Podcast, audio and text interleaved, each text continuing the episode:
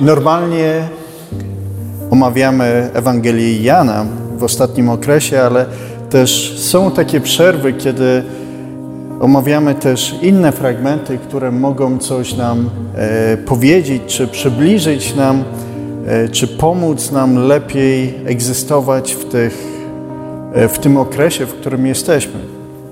I dlatego chciałbym, żebyśmy dzisiaj zrobili taką przerwę w omawianiu Ewangelii Jana i spojrzeli na Księgę Jonasza, ponieważ myślę, że ta księga ma też nam coś do przekazania odnośnie czasów, w których akurat jesteśmy i szczególnie też e, może przekazać nam e, coś do naszego życia.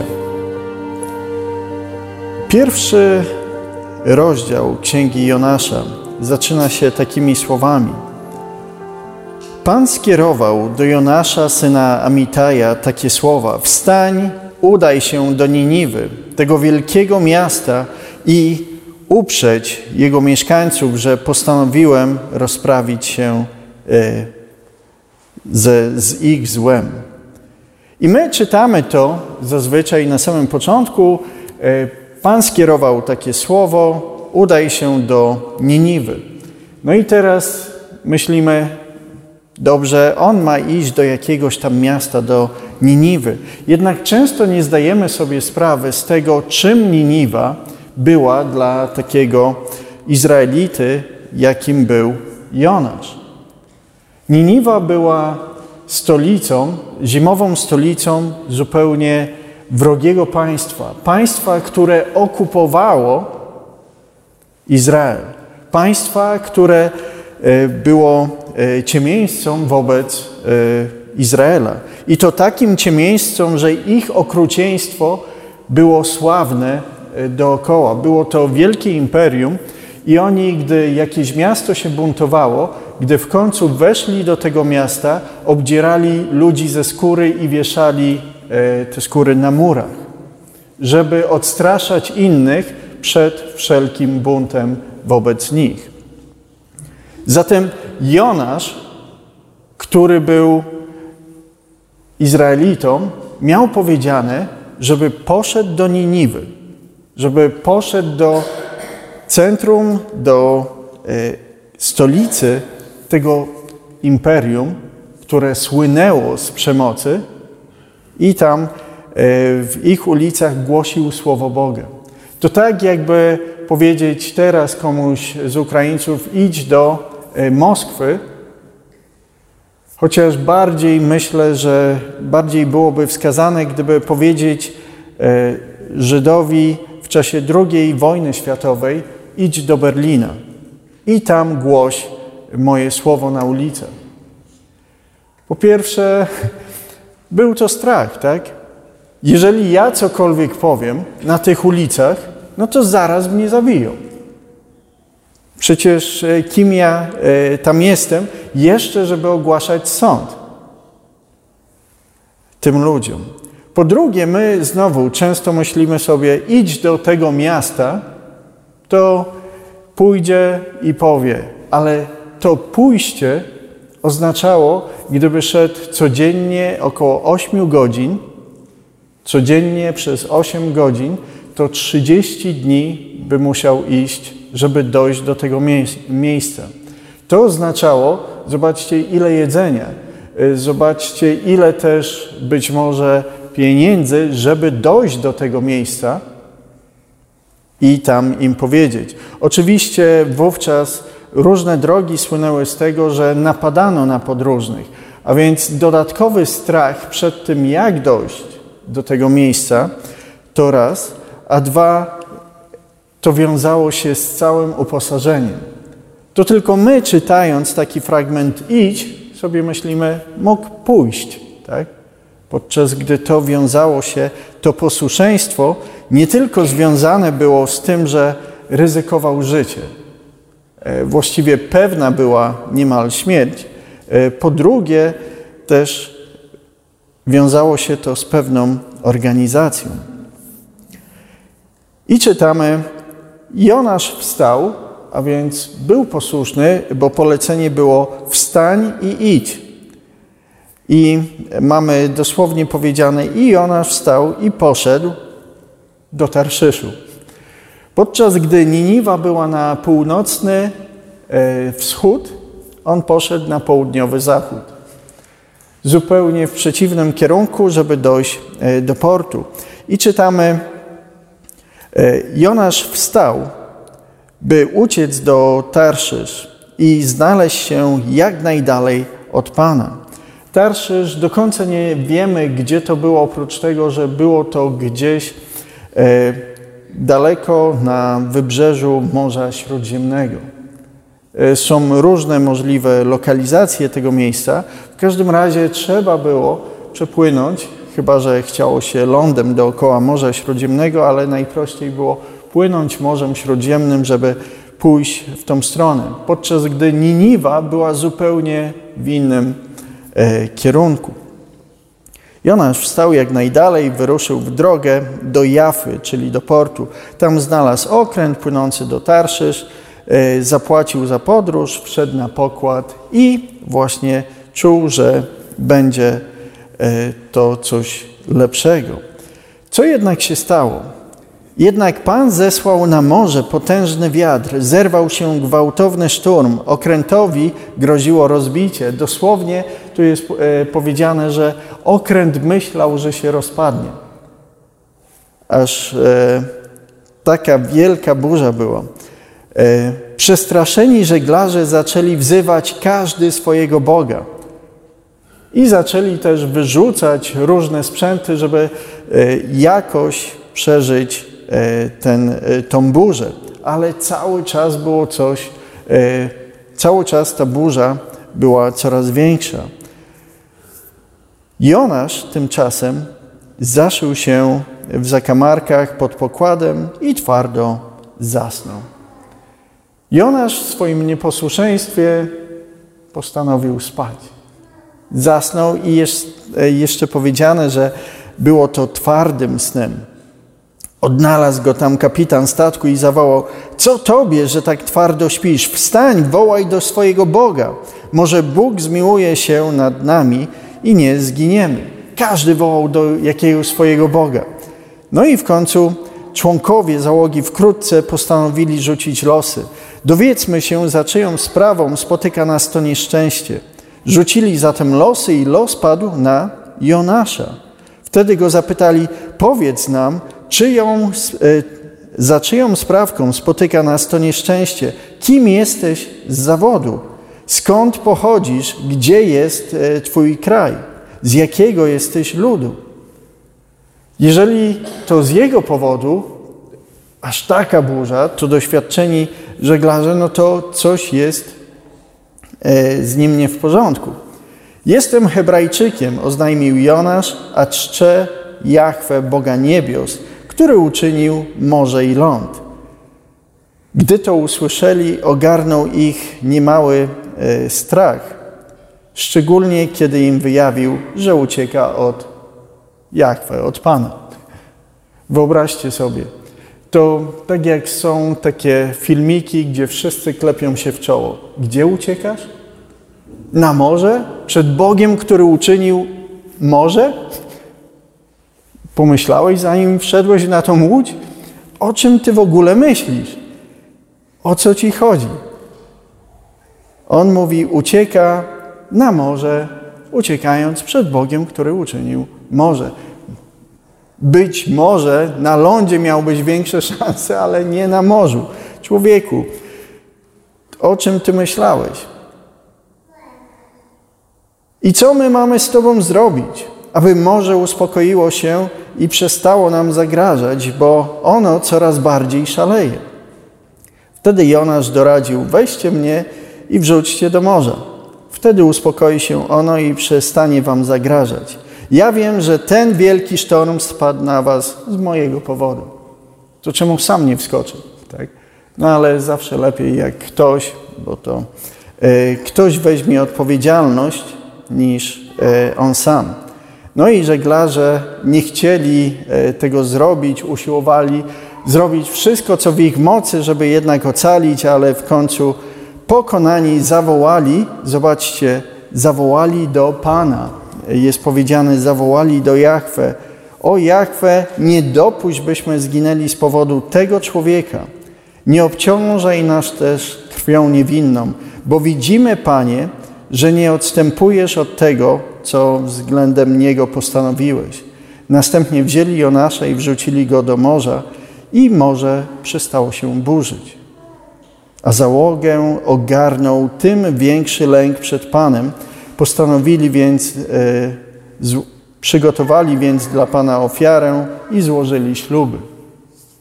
Zobaczcie, nieposłuszeństwo Jonasza spowodowało, że inni ludzie poznali Boga. Bóg może wykorzystać Twoje nieposłuszeństwo dla uwielbienia siebie, ale nie będzie to przyjemne dla Ciebie. Także e, to nie jest to, że Twoje nieposłuszeństwo wpływa jakoś na Boga. Tak? Bóg potrafi w każdej sytuacji siebie uwielbić. Bóg potrafi siebie uwielbić nawet w tej obecnej sytuacji. On jest wszechmogący, ale to posłuszeństwo jest dla nas. Tak? Nie dla Niego, ponieważ e, On nie jest Bogiem tak jak e, bogowie starożytności, że czegoś potrzebowali od ludzi że ludzie muszą jakoś coś im zrobić, żeby bogowie byli zadowoleni, żeby mieli swoje potrzeby spełnione. Bóg nie potrzebuje tego wszystkiego. To posłuszeństwo nasze jest dla naszego dobra. I zobaczcie, podczas gdy na początku tej historii ci żeglarze wołali każdy do swojego Boga, to tutaj jest pokazane, że oni wzywali i uczynili śluby Bogu Jahwe. Pan natomiast wyznaczył wielką rybę, aby połknęła Jonasza i przebywał Jonasz we wnętrznościach ryby trzy dni i trzy noce. Pytanie, skąd Jonasz wiedział, że to trzy dni czy trzy noce wyglądał z tej ryby, tak? O, już zmierzch, tak? E, czy coś takiego. Te trzy dni i trzy noce raczej są e, hebrajskim idiomem oznaczającym jakiś okres czasu. Upłynął jakiś, był tam w tym wnętrzu jakiś okres czasu. I co ciekawe, dalej drugi rozdział mówi e, o modlitwie. Cytuję modlitwę Jonasza. Uwięziony we wnętrznościach ryby, Jonasz modlił się do Pana, e, swojego Boga i powiedział, i teraz siedem wersetów modlitwy to same cytaty z różnych psalmów. Jakbyśmy porównali tę e, tą modlitwę Jonasza, to Jonasz zna Słowo Boże. Zna niesamowicie. Tu słyszymy, jak siostra mówi te psalmy na pamięć, co tydzień inny psalm. Jonasz znał także Słowo Boże. I co z tego? I tak był nieposłuszny. Twoja znajomość, dobrze znać Biblię. Jonasz był dobrym teologiem, z tego wynika. Jonasz był dobrym biblistą, znał, znał właśnie Biblię, ale jeżeli nie wprowadzasz tego do swojego życia, to to pozostaje suchą wiedzą i nic nam nie pomoże. Sprawi, że możemy być ekspertem w Biblii, ale niekoniecznie będziemy mądrzy, bo wiedza i mądrość to nie są te same rzeczy. Także Jonasz miał tą wiedzę, ale cały czas był nieposłuszny. I pod koniec tej modlitwy Jonasz mówi: Wyznawcy martwych bóstw porzucają swojego łaskawcę, ale ja z wdzięcznością złożę Ci ofiarę, spełnię to, co ślubowałem. Wybawienie jest u Pana. Wówczas Pan polecił rybie uwolnić Jonasza i ta zwróciła go na brzeg. Jonasz zaczyna z tej samej, z punktu wyjścia właściwie, bo poszedł e, tam do portu, na brzeg Morza Śródziemnego i teraz z powrotem musi e, przebyć tą drogę. Pan zaś powtórnie skierował do Jonasza takie słowa: Wstań, udaj się niezwłocznie do Niniwy, tego wielkiego miasta, i ogłoś mu przesłanie, które ja przekażę Tobie. Jonasz wstał i zgodnie ze słowem Pana poszedł do Niniwy. Niniwa zaś była wielka dla, e, dla Boga i była ważnym miastem. Jest, jej obejście zajmowało trzy dni drogi. Jonasz wyruszył, by e, pokonać pierwszy odcinek drogi, a idąc wołał jeszcze 40 dni i Niniwa będzie zburzona. Wyobraźcie sobie cały czas, mając ten kontekst, jak Żyd w czasie II wojny światowej chodzi po Berlinie i krzyczy: Jeszcze 40 dni i Berlin będzie zburzony. Przerażające dla tego człowieka zadanie, a jednak poszedł. Trudno, tak? Idzie i to głosi. I stało się coś niesamowitego. Coś niesamowitego. Mieszkańcy Niniwy uwierzyli Bogu, ogłosili post i od największego do najmniejszego przywdziali włosiennicę. Również gdy e, sprawa ta doszła do króla Niniwy, wstał on ze swojego tronu, zdjął z siebie zdobną szatę, okrył się włosiennicą i usiadł w popiele. Wydał też w Niniwie e, takie obwieszczenie, e, rozporządzenie króla i jego doradców, niech każdy człowiek i zwierzę, bydło oraz owce wstrzymają się od jedzenia. Ogłosił ogólny post, żeby ludzie pościli i zobaczcie, jest powiedziane, kto wie, może Bóg zechce okazać nam miłosierdzie, poniecha tego, co postanowił w przypływie swojego gniewu i nie zginiemy. W starożytności i często w Biblii ludzie, gdy było proroctwo, uznawali, że to proroctwo najprawdopodobniej jest proroctwem warunkowym. Często proroctwa były dawane po to, żeby się nie spełniły. Proroctwa często były dawane po to, żeby się nie spełniły. Chodzi o to, że proroctwo mówiło, jeżeli idziesz tą drogą, dojdziesz do tego punktu. I było dane po to, żeby ktoś mógł zawrócić, żeby to się nie wypełniło. Nawet jak nie było tam warunku, przyjmowano często, że jest to proroctwo warunkowe, że jeżeli ktoś odwróci się od swojego grzechu, to nie będzie to spełnione. I tutaj właśnie jest e, jeden z takich przykładów. Kto wie, może Bóg poniecha tego, co zaplanował. I Bóg rzeczywiście dostrzegł ich zmiany. Zauważył, że odwrócili się od złego, dlatego wezbrała w nim litość, e, miał zesłać na nich nieszczęście, ale nie zesłał. Rzeczywiście to proroctwo okazało się warunkowe. Bóg widząc, że zmienili, że się nawrócili, że e, opamiętali się, postanowił, że dobrze, nie doprowadzi do tego. Ale czwarty rozdział wskazuje nam na Jonasza. To posunięcie Boga przygnębiło jednak Jonasza, a nawet go oburzyło. Zwrócił się zatem do e, Pana tymi słowy: Ach, Panie, czy nie to właśnie miałem na myśli, gdy jeszcze byłem w mojej ziemi? Dlatego właśnie za pierwszym razem postanowiłem uciec do Tarszysz. Wiedziałem, że Ty jesteś Bogiem łaskawym i miłosiernym, powściągliwym w gniewie, hojnym w łasce i okazującym miłość, e, litość w nieszczęściu. To była, Jonasz mówi, to była jego motywacja, żeby nie pójść do Niniwy, żeby oni mieli za swoje. Skoro Bóg jest e, zagniewany, wzburzony na ich zło, to niech ich rozwali, krótko mówiąc to niech ich zabije. Niech mają za swoje. Niech mają za swoje. Zobaczcie, czy nie jest tak czasem w nas, że nawet patrząc na obecną sytuację, niektórzy z nas, widząc uchodźców, matki z dziećmi, pałają wręcz nienawiścią do Rosjan, do Moskwy, do e, całego tego kraju. Niech będą rozwaleni.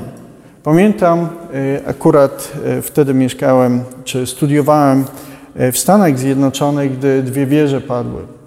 Pamiętam, że nawet chrześcijanie umieszczali, żeby Afganistan i inne te kraje Bliskiego Wschodu, żeby tam rzucić bombę atomową.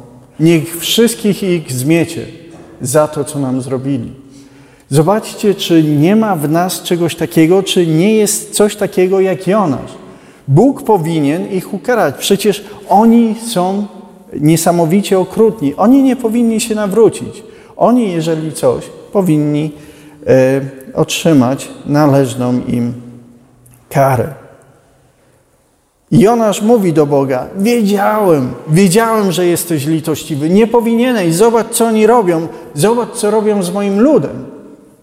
Nie powinieneś, a jednak jesteś litościwy. Zobaczcie, jeżeli chodzi o innych, czasem mamy pretensje do Boga. Tamten zasłużył na karę. Jeżeli chodzi o nas, to Boże, przepraszam, że byłem nieposłuszny Tobie. Dziękuję, że mi wybaczysz, ale Jemu za to, co zrobił, nie powinieneś. Wiedziałem, że Ty jesteś Bogiem łaskawym i miłościwym, powściągliwym w gniewie, hojnym w łasce i okazującym litość w nieszczęściu. A teraz, Panie, proszę, zabij mą duszę, bo wolę umrzeć niż żyć. Jak tak sprawa ma się mieć, to ja już wolę e, umrzeć. Zobaczcie, szedł Głosił to 40 dni i jeszcze Niniwa będzie zburzona, narażając swoje życie. Nie stracił je, a tu, gdy Bóg, gdy to posłanie odniosło właściwy skutek, on mówi, to już wolę umrzeć. Lecz Pan go zapytał, pomyśl, czy słusznie się gniewasz? Zbadaj swoją motywację. To, gdy tak mówimy na temat Rosjan, jaka jest nasza motywacja?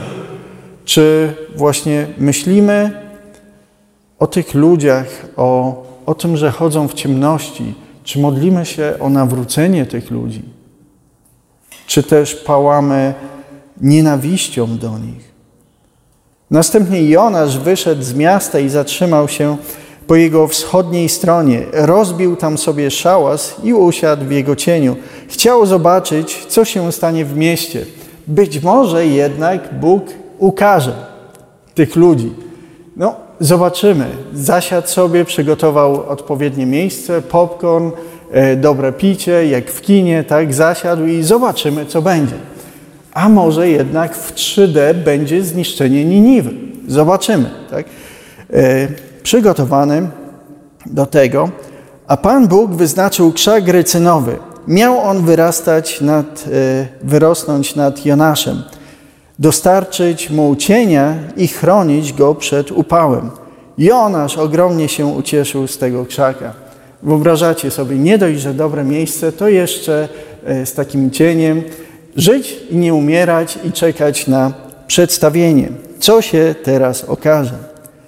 Nazajutrz jednak wraz z nastaniem poranka Bóg wyznaczył robaka, by podgryzł krzak także ten usek. A gdy wzeszło słońce, Bóg wyznaczył gorący wiatr wschodni.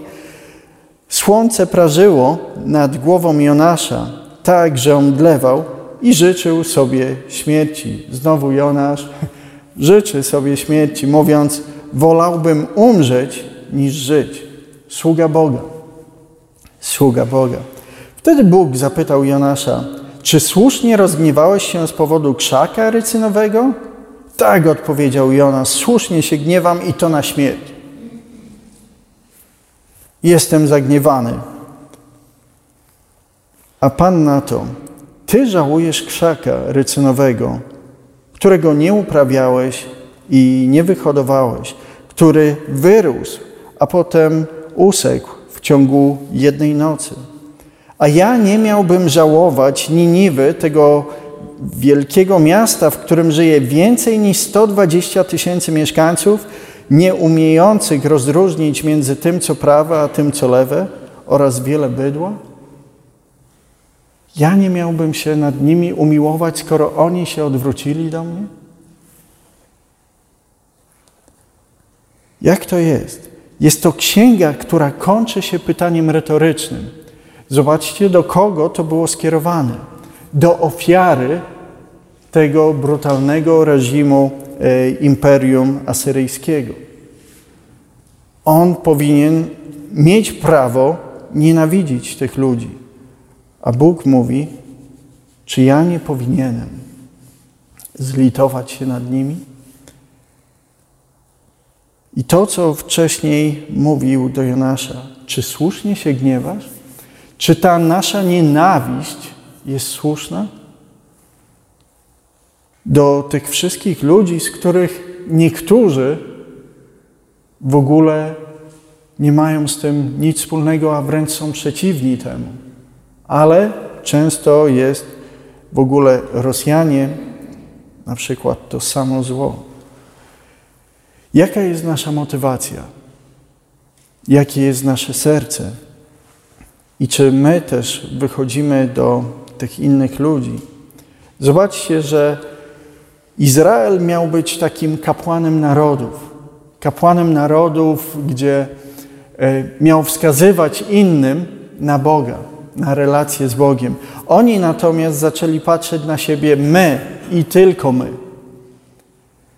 Bóg nam błogosławi dla nas, a nie dlatego, żebyśmy też innym narodom pokazywali tą relację z Bogiem, żebyśmy wychodzili do innych i im to pokazywali. Łatwo głosić ludziom, którzy są e, grzeczni, przyzwoici i e, robią wszystko dobrze.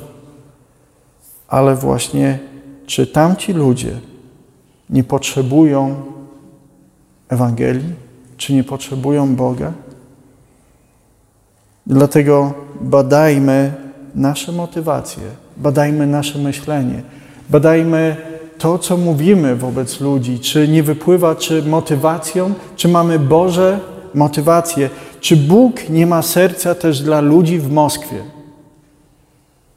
żeby oni tam poznawali Boga, żeby też byli e, dla Boga. Tak jak mówię, Asyria schłynęła z okrucieństwa.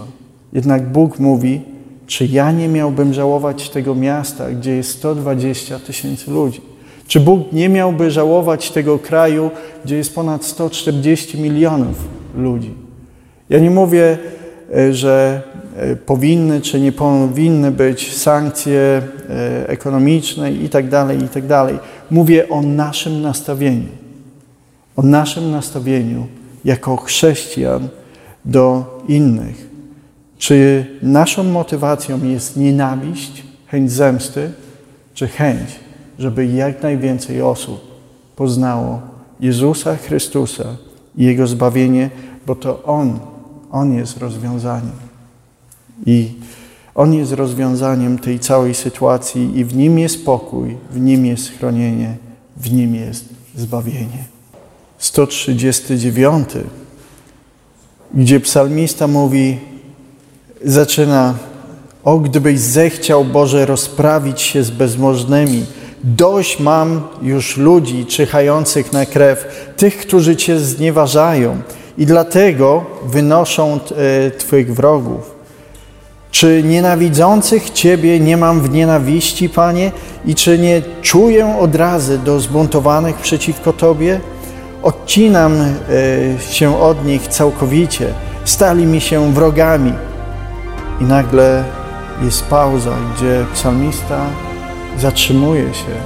I w tym całym swojej takiej pogoni, w tej nienawiści nagle mówi: Badaj mnie, Boże, i poznaj moje serce. Doświadcz i poznaj moje rozterki.